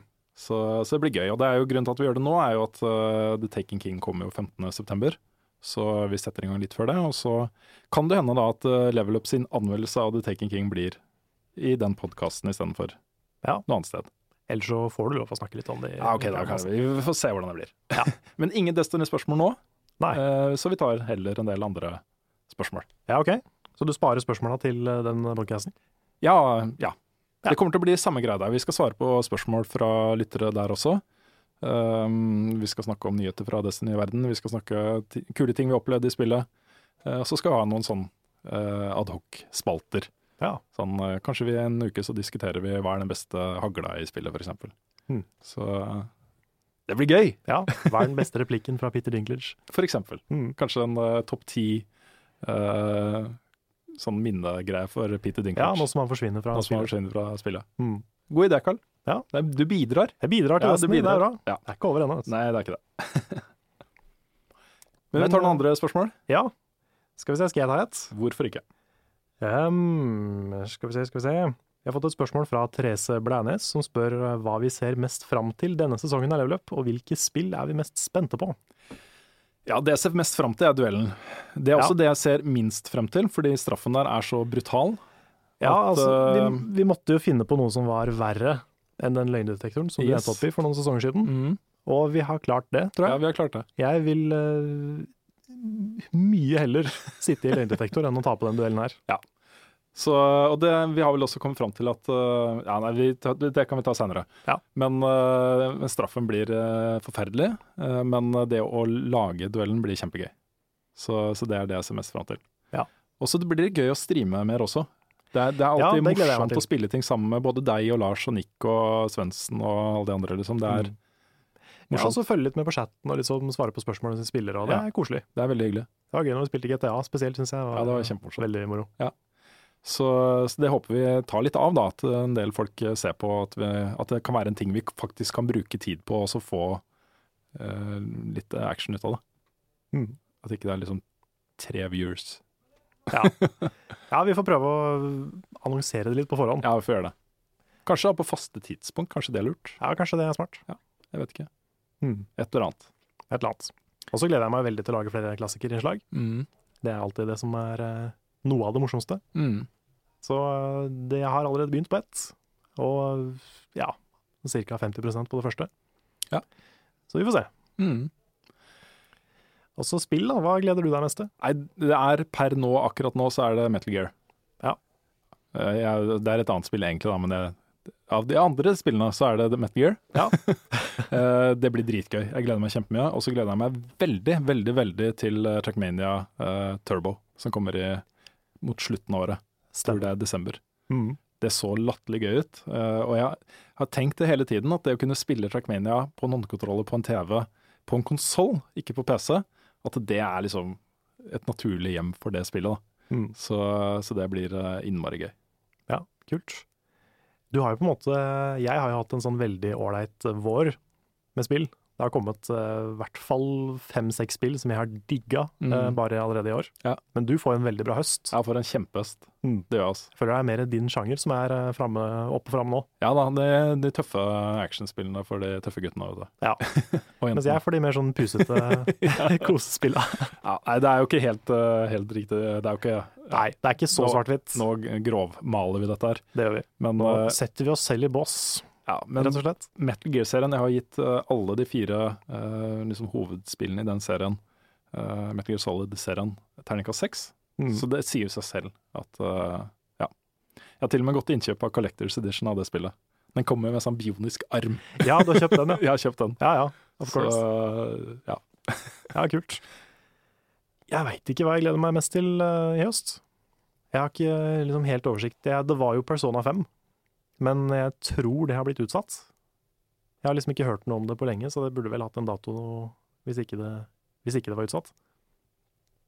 Men eh, hvis det kommer i år, så er det det. Hvis ikke, så er jeg veldig spent på Fallout 4. Mm. Ja. Så, det, er, eh, det er et spill jeg gleder meg også veldig til å teste ut. Yes, Vi har fått et spørsmål fra Trond eh, Borgersen, som jo er en av arrangørene av Retrospillmessen, det er det. eh, som vi skal på. Mr. Sin 4. Mr. Sinfor. Yes, god dagen, Sin 4. Ja, så eh, han pleier å sende oss spørsmål også til podkasten. Gjør det. Nå lurer han på hva vi definerer som en såkalt spillsamler. At man samler på alt av spill, eller samler dedikert på spill som man vil spille. Og har dere litt samling i blodet? Ja, hva er en spillsamler? Jeg vil si at eh, da Ja, jeg vet ikke. En samler. Da føler jeg meg at man, eh, man bør gå for en slags kolleksjon av noe, f.eks. Ja, jeg føler sånn hvis du har um, hvert eneste Final Fantasy-spill, Mm. som er ganske mange, Ja. da er du i hvert fall en samler. Ja, da er det en Final Fantasy-spillsamler. i Ja, fall. da er det, det er en Final Fantasy-samler. Altså, hvis du, skal, hvis du er en uh, sånn dedikert spillsamler generelt, så er det jo ingen grense for hvor mye penger og tid du kan bruke på det. Fordi det finnes jo veldig mange spillkonsoller opp gjennom årene som har sine egne spill og, osv. Det gjør det. Ja. Det skal litt til å ha en uh, decent spillsamling, Mm. sånn i det store bildet. Ja, altså jeg tenker Hvis du kjøper ting for å samle på det, mer enn bare for å spille på det, så er det en samler. Hvis du kjøper bare ting du har lyst til å spille, så er du en spiller. Ja. Eh, men hvis du da tar alle spillene du har kjøpt og eh, setter det opp alfabetisk basert på plattformen det kom på, f.eks., så er det kanskje en samler. Mm. Jeg vet ikke. Og hvis ikke du spiller Madden, så er du ikke en ekte gamer. ja. Jeg vet ikke. Jeg, det var jo en periode hvor, eh, hvor jeg på en måte begynte å samle. Fordi det er jo en av, en av de fine tingene med å jobbe som spillanmelder, er at man, det kommer jo så mange spill inn døra. Mm. Men jeg kom til et punkt hvor det ikke var noe interessant lenger, egentlig. Eh, kanskje jeg ble voksen, jeg vet ikke. Uh, det kom i hvert fall et punkt hvor jeg tenkte det å ha spill digitalt er deilig. Mm. Så nå vil jeg egentlig ha så mye som mulig digitalt. Ja. Um, Det var min da jeg bodde på 18 kvadratmeters leilighet på Anker. Mm. Så forsvant mesteparten av min samlemani. Ja. For da hadde jeg ikke plass til noen ting. Nei, jeg har et lager som jeg fortsatt betaler liksom 1500 kroner i måneden for å ha. Eh, og det er mye fordi der står det en del spill og Ja, sånn treasure room. ja. Men jeg har jo ikke vært der på, måte, på et år eller to, liksom, så jeg vet ikke om jeg trenger det Nei. særlig. Uh, nei, Vi begynte jo faktisk også bare samle opp alle de spillene som kommer i løpet av et år, for det er jo ikke vår eiendom. Uh, det er på en måte noe vi har fått eh, på utlån i anførselstegn av utgiverne. De forventer ikke å få det tilbake, men de forventer i hvert fall ikke at vi skal selge de på eBay eller noe sånt. Nei, det kan vi ikke helt. Nei, ikke sant. Så eh, det vi har gjort eh, flere ganger, er å ta, eh, levere det til sykehus og sånne ting. Så Ja. istedenfor at det havner da i liksom vår, vår samling, så Hvorfor er det ingen som skrur av telefonen når vi sitter og tar podkast? Jeg veit ikke, men nå har jeg fått utrolig mye greier. Ja, jeg, har, ikke- jeg har ikke vært så populær i hele sommer. Nei. Det er Facebook, og det er ringing, og det er Ja, ja, ja. Det er hytt og pinne. Um, nei, så jeg er ikke noe spillsamler selv Nei, lenger. Jeg har egentlig aldri egentlig vært det heller, tror jeg. nei, det eneste jeg har samla på, det er sånne strategy guides. Det var en periode jeg samla litt på. Fordi, eh, fordi de har så mye fin sånn art i seg.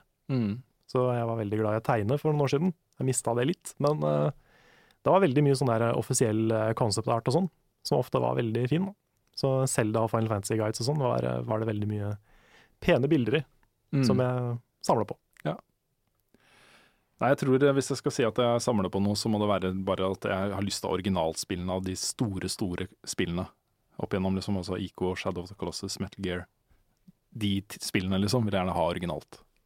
Så kanskje det gjør meg til en slags samler. Jeg vet ikke. Kanskje. Kanskje. Det er noen eh, spill jeg også går og kjøper. Vi får jo Mm. ofte sånne, Når vi får sånne preview-disker, Ja. så er det liksom et uh, gjennomsiktig cover med CD-en oppi. Men uh, sånn som Kingdom Hearts, for eksempel, så vil jeg gjerne ha coveret og ha, ha det. Ja da, så det er derfor jeg kjøpte Collectors Edition av Metal Gear. Det, er, eh, det vil jeg bare ha. Ja. Så det blir kanskje stående på utstilling på kontoret vårt. Kanskje det? Kanskje du kan ha på deg den armen mens du eh, hver eneste episode. Kanskje jeg kan komme hjem og skremme ungene med den. Ja, du kan ha armen, så kan du ha Master Chief-hjelmen. Ja, hvorfor ikke? Ja, så bare lager du en sånn der mekk av et menneske. Yes, Det, det kan du gjøre. der har vi, der har vi noe. Uh, ja, kan ta et fra Møkkete Oppsal. Ja, Jeg tror ikke han er døpt Møkkete. det hadde vært litt morsomt. Ja, det hadde vært litt morsomt.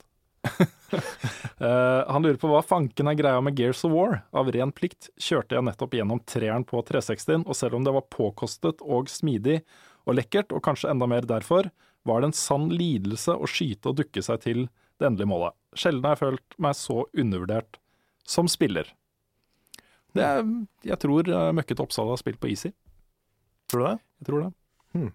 Nå er ikke treeren det beste spillet i den serien. Eh, Nei, det fikk litt sånn middelmådig kritikk, gjorde det ikke? Absolutt. Gears of War 1 og 2 er dritbra, særlig eneren, eh, fordi der innførte de veldig mange av de mekanikkene i spillet. Eh, og det som var unikt med det den gangen, var jo nettopp den derre dukke bak cover, og så skyte, og så gå fra cover til cover, skyte. Så hadde det en sånn genial ladefunksjon, hvis du klarte å liksom reloade på akkurat perfekt tidspunkt, så reloada han kjempekjapt. Og hvis du bomma på det, så sto han der sånn Før du kunne skyte mer, da. Ja, okay. Så, så sånn sett så var liksom særlig eneren han var fantastisk. Og jeg husker ikke eh, Jeg lurer på treeren, var ikke det utvikla også et annet selskap enn de som, altså Epic, som lagde eh, Gears 1 og 2? Jeg tror det, altså. Det var mulig, det. Eh, og var ikke i nærheten av like bra, så vidt jeg kan huske, da. Um, ja. Mm. Så kanskje du skal teste Gears 1 eller 2. Det er bedre spill, rett og slett. Og særlig co-op. Ok. Uh, der er toeren bedre. Toeren er uh, dritbra på co-op. Eneren er også ganske god, men uh, særlig toeren. Hmm. Så det er vel greia med Gears, da. Er Du har spilt feil spill, og du har spilt det på easy. Nei, jeg vet ikke om du har spilt på easy også, kanskje du bare er veldig flink, men ja. Skal vi se, han har eh, fulgt opp. Ja, Han sier jo fyren i spillshoppen mente det. Det lønner seg å lese seg opp på historien fra eneren og toeren før du spiller denne. Det tviler jeg sånn cirka totalt på. Ja, Det tror jeg også. Men uh, Du tror det lønner seg? nei, jeg, jeg, altså, akkurat når det gjelder treeren, så tror jeg ikke det var så viktig. Nei, ikke sånn. Ja. Han var sikkert bare veldig into Gears law. Ja, jeg tror kanskje det. Det var jo, eh, jeg husker jo med, det var vel Gears 2, hvor, eh, hvor de liksom hadde prøvd å innføre en del sånn veldig følelseslada øyeblikk. Jeg har sett noen av de cutsinsa, Ja, det er helt forferdelig. med de svære Ah, det kjøleskapsmennene ah, som gråter og Ja, ja. Mm. Men Lauren i seg selv i spillet er jo veldig kul. Uh, hvor disse fiendene kommer fra, og hvorfor de er der, og Ja. hvordan man kjemper mot dem og sånne ting. Alt det syns jeg er veldig kult. For det trenger, du trenger ikke så mye law for et sånt type spill. Nei, det, Men det som jeg si. er der, bør være ganske bra. Skal vi se, Jeg har et spørsmål her til meg fra Tony Flaten. Han spør hvordan min reaksjon var i slutten av episode fire av Life is Strange. Og blir det årets spill? Jeg har ikke lyst til å si for mye, siden eh, Rune ikke har spilt ennå. Men ehm, jeg kan si det at jeg hadde en mistanke, og ble litt eh, sånn gira at jeg hadde rett. Og eh, reaksjonen min ligger jo faktisk på YouTube, eh, fordi jeg spilte gjennom hele Life is Strange på YouTube. Så det går faktisk an å gå inn og se min reaksjon hvis man vil. Um, og om det blir årets spill, kommer helt an på om de klarer å eh, avslutte det bra. Hvis de gjør det, så er det en veldig god kandidat til å bli Game of the Year, Mm. for meg.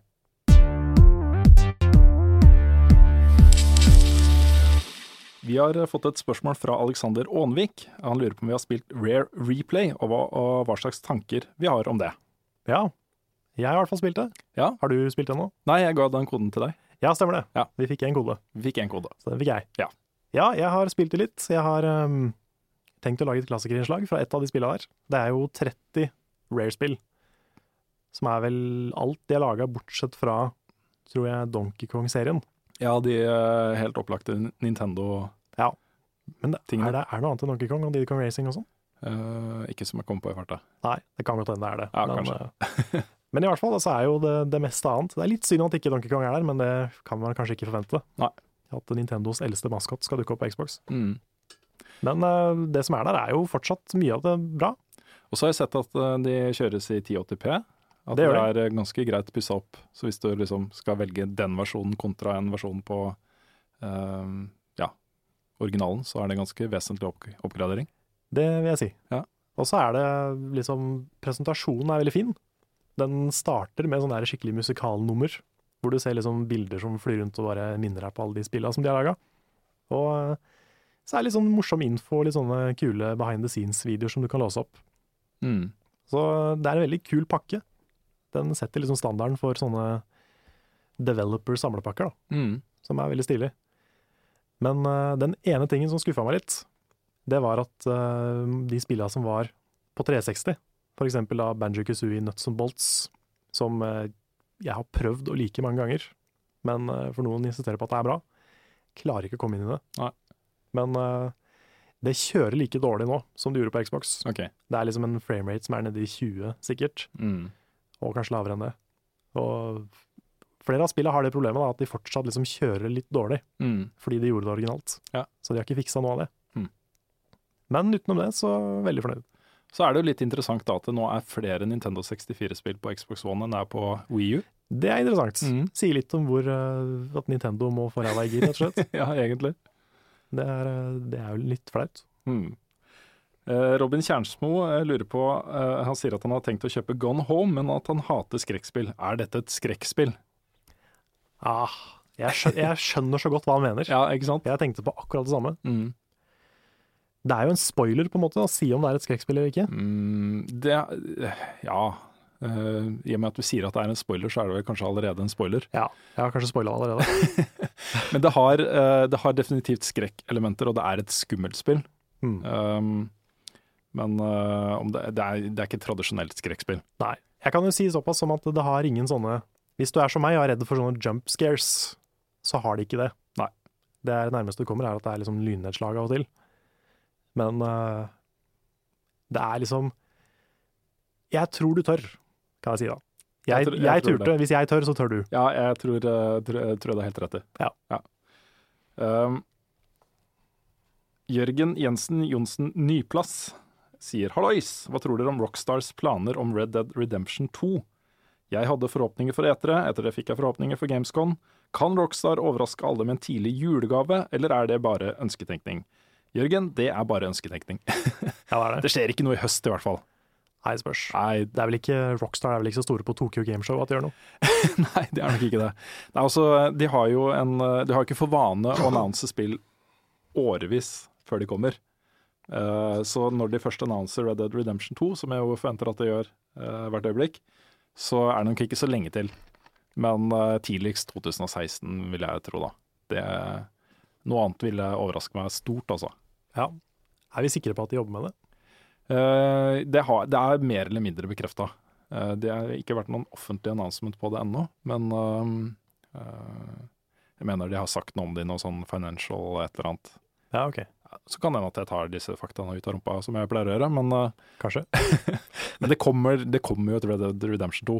Eh, alt annet ville vært veldig rart. Eh, og når og hvis de gjør det, så, så har jeg veldig veldig store forventninger, fordi Red Dead Redemption var så bra. Det var så bra. Så hm. Ville Vesten. Ja. Kanskje de tar det litt fram i tid igjen. Ja, Kanskje kanskje. følge litt den utviklinga til eh, Once Upon a Time in the West, Red Dead Noir. for eksempel. Mm. Nei, men Det skjedde jo så mye rundt uh, århundreskiftet i USA der. Eh, og Red Dead Redemption foregår liksom på 1880, 50, 1850, 60, 70, tror jeg. Mm. Eh, men akkurat rundt årsskiftet så er det fortsatt den brytninga mellom Ville Vesten og det siviliserte samfunnet er så spennende. Det er så mye kult der, hvor eh, det begynner å vokse fram byer og sånt, men det er jo lovløse tilstander fortsatt. Så Der er det mye å ta av. Altså. Så, så det er det jeg håper. At det liksom flytter det fram 20-30 år. får inn en del nytt. Du så Ja. jo tendenser til det i Red Dead Redemption også, med at det begynte å komme litt biler og vokste fram litt bankvesen og sånne ting. liksom. Mm. Så ja. Spennende. Mm. Uh, skal vi se. Spørsmålet er fra skal vi se, Stine Linseth. Hva tenker dere om at Earthbound Beginnings om, om at Earthbound Beginnings-lanseringen? Tror dere dette betyr at vi vil få Mother 3? Jeg håper det. Mm. Det er jo mer sannsynlig nå, i og med at de har sluppet et spill som aldri kom utafor Japan til å begynne med. Så kanskje det er en sånn pre-greie til Mother 3. Det er lov å håpe. Nå er jo selve Earthbound Beginnings er jo et spill som kanskje ikke har holdt seg så bra. Så det er eh, Jeg vet liksom ikke om jeg vil anbefale folk å spille det. Da spill heller Earthbound, for det er på en måte en bedre versjon av det Earthbound Beginnings eller Mother 1 var. Men uh, Mother 1 har ikke holdt seg så bra. Men hvis det betyr at vi får Mother 3, så er jeg veldig, veldig klar for det. Mm. For det er et spill som uh, verden fortjener å oppleve, Ja, rett og slett. Det har vært kult å sett liksom, måte de konseptene uh, videreført inn i moderne tid. Ja. På et eller annet vis. Mm. Fordi det er på en måte noe der som kan leve veldig godt i sin egen lille univers fra den tiden, liksom. Men det er så mye interessant der. Jeg har ikke spilt det selv, men jeg har sett dine innslag om det og sånt, og er så nysgjerrig på universet, liksom. Mm. Og Da er det mulig å gjøre nye ting. Ja, definitivt. Det hadde vært kult. Eh, Hans Jørgen Molstad eh, spør ettersom Tomb Raider og Fallout- kommer samme dag, hva kommer det til å spille først, og hvorfor? Hmm. Godt spørsmål. De kommer samme dag, ja. Ja, jeg vet ikke, men han har sikkert det, rett. Ja, det stemmer sikkert. Ja. Ja, det kommer vel an på hva vi skal anmelde, tenker jeg. Ja. Vi må vel anmelde begge deler. Ja, Øh, jeg kommer nok ikke til å anmelde Fallout. Vi må nok sette noen som har eh, spilt uh, mer Fallout enn oss på det. Ja, det. kan nok hende. Uh, jeg vil gjerne anmelde Tomb Raider. Ja, du får lov til det, altså. Ja, så det er jo det jeg har mest lyst til å spille av de to også. Ja. Jeg, skal, jeg har like lyst til å spille begge, Ja. så jeg tror jeg skal bare, uavhengig av hva jeg anmelder eller ikke anmelder, så skal jeg sette meg ned og spille begge deler. Sannsynligvis uh, prøver jeg Fallout først. Ja, det blir nok Tomb Raider. Jeg er veldig glad i serien og likte forrige spillet veldig godt, så det er veldig naturlig for meg å kaste meg over det når det kommer. Ja. Så hørte jeg også at uh, den der tidseksklusiviteten ikke bare er en måned eller to, men det er faktisk et helt år. Ja, det er ganske heavy. Ja, Det var jo kom fram i sommer, at Mm. uh, det ikke kommer på PC og PS4 før høsten 2016. Ikke PC heller. Uh, nei, jeg tror det er begge plattformer. Ja, Kanskje det kom på PC, forresten. Jeg lurte på om kanskje Ja, det kom på PC først, men jeg er ikke sikker. Vi skulle ha googla ting før Vi sendingen, skulle- ja, men det kommer vi aldri til å gjøre. Level Upcast Info. Always correct. Eh, Magnus Tangen lurer på hva vi syns om Rocket League. Hadde vært awesome med en duell i det. Og Det blir en liten spoiler, men vi har jo definitivt snakka om å ha med det i duellen. Det har vi. Ja, det, er, altså, det, det ser så gøy ut. Jeg har ikke spilt det. Jeg har lasta det ned, installert det, klart å spille det, men ikke kommet i gang ennå. Det ser så gøy ut. Ja, Lars driver og spiller det. Ja. Han er helt frelst for det, så um, må prøve det. Og Det er da et eh, slags uh, fotballspill med biler Ja, hvor det er eh, biler som spiller fotball. Ja, omtrent. Mm. Det Lars sier også at han, liksom, han har aldri interessert seg for et fotballspill, eller fotball, men det er kult. Ja. Så det gir meg jo litt håp. Ja da. Nei, altså, jeg har sett en del videoer fra det, og det, det er på en måte sånne spill som bare kommer ut fra ingenting og blir en greie. Og alle, jeg- nesten alle jeg kjenner og spiller med, de snakker om det spillet og spiller det. Så, så det har blitt ganske stort i løpet av sommeren.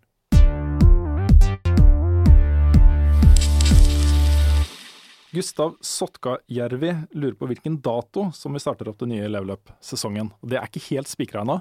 Ikke helt. Nei, vi har, jo- vi har jo for vane å lansere nye sesonger med anmeldelse av et stort nytt spill.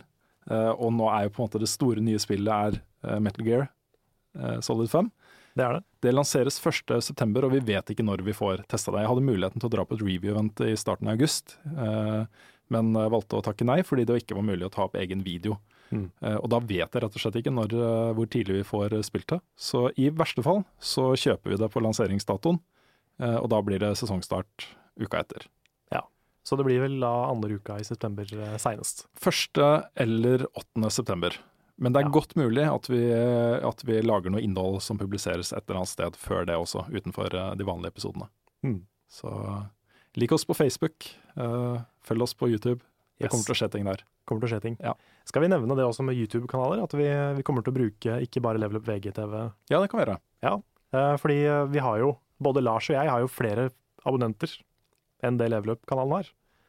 Så vi kommer til å bruke våre egne kanaler litt også, til å på en måte promotere og legge ut ting, da. Mm, Så det kan være lurt å følge de to kanalene også, hvis du vil få med deg alt fra Level Up. absolutt. Og Nick har sin egen kanal, og Svendsen har sin egen kanal. Og Ja, vi har jo egne kanaler alle sammen, Alle sammen. så det er lurt å abonnere Til på alle. og med jeg.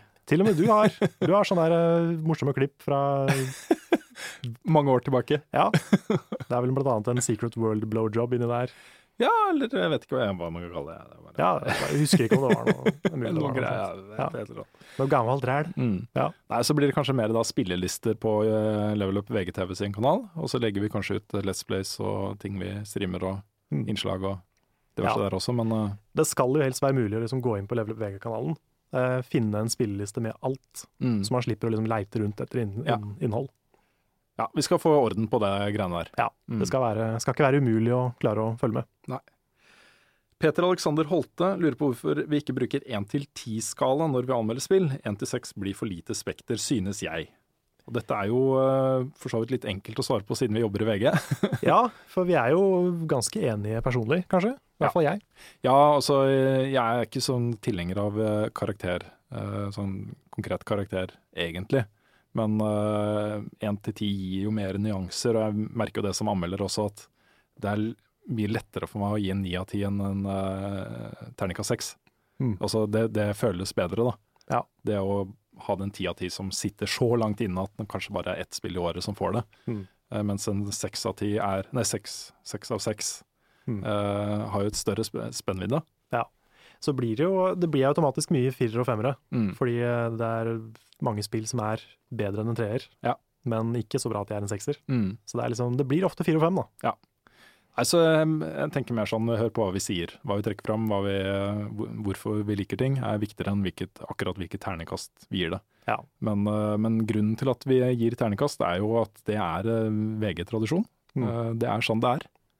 Vi eh, kan ikke plutselig begynne å innføre ti bananer når eh, vi har VG-terningen som er godt etablert Nei, er over mange år. Kanskje vi hadde klart å få sånn DND-terning Ja, som hadde 20. Mm. Mm. Ja. Nei, vi har jo lekt med tanken for en del sesonger tilbake å, å gi én til ti også, eh, som jeg diskuterte. Det var kanskje før level up. Ja, stemmer det. det. Det er lenge siden vi snakka om, men vi gjorde det. Ja, Sånn at du får liksom et ternekast, og så får du en én til ti-score også, men det, vi kommer ikke til å gjøre det. Nei. Det blir ternekast. Blir det, gitt. Uh, William Helle Hestad lurer på hva vi syns om Minecraft story mode. Noen forventninger. Ja. Det er jo Telltale. Mm. De lager jo som regel bra ting. Ja. Jeg merker at den oppskriften deres begynner å bli litt sånn Det begynner å bli litt for tydelig at valga dine har veldig lite å si. Spesielt i Game of Thrones så føler jeg liksom at hver gang jeg tar et valg, så ender jeg opp på samme sted uansett. Og det blir liksom litt tydeligere for hvert spill. Mm. Men um, hvis noen klarer å lage en historie i Minecraft, så er det vel kanskje de? Ja, kanskje. Jeg, jeg vet ikke. Nei.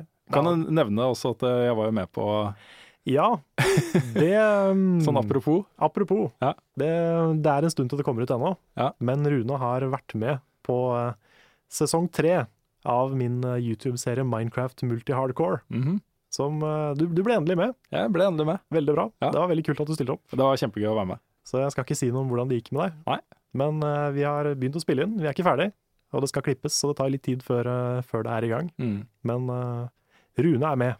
Jeg har eh, spilt Minecraft Du har spilt Minecraft. for første gang. Det er, eh, det er bra. Ja.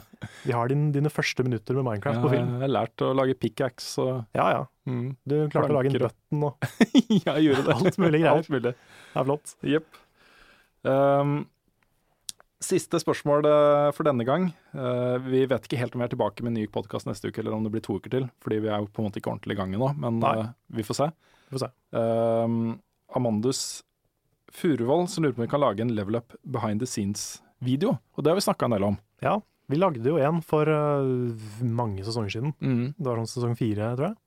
Ja, vi har lagd, eh, I to, to tilfeller så har vi faktisk lagd behind the scenes. Det ene var når eh, vi hadde en på, på arbeidsuke hos oss. Han filma en del, og så lagde vi en liten greie av det. Ja. Og så var det når niesa mi eh, skulle lage et eh, prosjektarbeid Ja, stemmer det. på Level Up, så lagde hun også By the scenes og filma en del på uh, Spillekspo osv. Så, videre. Mm. så de videoene eksisterer jo der ute. Men vi har jo snakka om at det hadde vært kult å få lagd en liksom uh, litt større ting hvor vi snakker med alle de som er involvert i å gjøre det litt seriøst, da. Ja. Så kanskje. Litt sånn uh, halvtimes liksom, skikkelig level up-dokumentar. Litt sånn som da, da uh, Polygon eh, ble lansert, den derre spillnettstedet til eh, The Verge. Så lagde de det først, da. Det, før de lanserte det nettstedet, så hadde de en behind the scenes-video. Ah, ja. Så var ultrapretensiøst. De skulle jo revolusjonere spilljournalistikken, og det var ikke måte på hvor prestetiske de skulle være, og hvor uh, alvorlig de skulle ta spill som kulturform og osv. Ok. Uh, nesten litt sånn parodisk. Kanskje noe sånt. Ja. At vi gjør det sånn superpretensiøst, at vi er kunstnere alle sammen. Ja. Mm. Mm. Så altså, når vi anmelder spill, så tenker vi på hva, hvilken farge man føler inni seg Mm. når man, når man spiller spill. Og hva smaker den fargen? Hva smaker den fargen? Mm. Mm. Og kommer den opp igjen? Eller ut? Eller ut? Eller hva inn? er egentlig ut? Hva er ut, og hva er inn? Og hvilken farge har det? Jeg vet ikke. Vet du? Skriv en kommentar Nå vi prata altfor lenge, Karl. Like og subscribe. ja, uh, ja vi har, vi har, det er blitt en lang podkast. Ja, litt for lang podkast. Begynner å bli sliten i stemmen. Um, da er vi eh, ferdige for denne gang. Første podkasten i uh, nye sesongen. Yes. Uh, vi er snart i gang med ordentlige episoder av Level Up og lage video og dueller og alt mulig rart. Greier. Vi skal på messe, vi skal på Spillekspo, vi skal på e-sportdagen Det er vel også tror jeg 21. august. Ok. Jeg skal i hvert fall dit. Ja. Um, vi skal på uh, retromessa i Sandefjord. Det skal vi også. Ja, vi skal gjøre så mye Det er så masse greier. Ja, det er så mye greier. Jeg gleder meg. Rydde kontoret skal vi gjøre. veldig gøy. Ja, rydde kontoret skal vi gjøre. Ja. Det blir kjempemoro. Ja, det blir, åh, det blir skikkelig bra. Det er kanskje det beste. Mm. Vi takker for oss for denne gang, og så er vi tilbake. Vi, vi prøver å lage neste uke også, Karl. Gjør vi ikke det? Jo, vi kan Ja, vi kan være i gang igjen om podkasten, syns jeg. det. Good, good. Ja. Da ses vi neste uke. Vi gjør det. Ha det bra. Ha det.